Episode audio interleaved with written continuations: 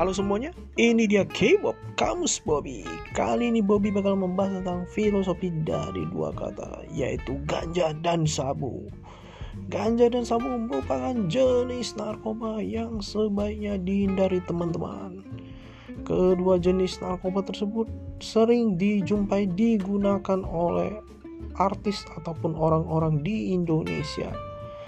Ganja berasal dari tumbuhan hijau seperti tembakau, sedangkan sabu merupakan narkoba yang berasal dari kimia. Bagi Bobby sendiri, kedua kata tersebut memiliki filosofinya sendiri. Ganja filosofinya gairah dan nafsu jahat.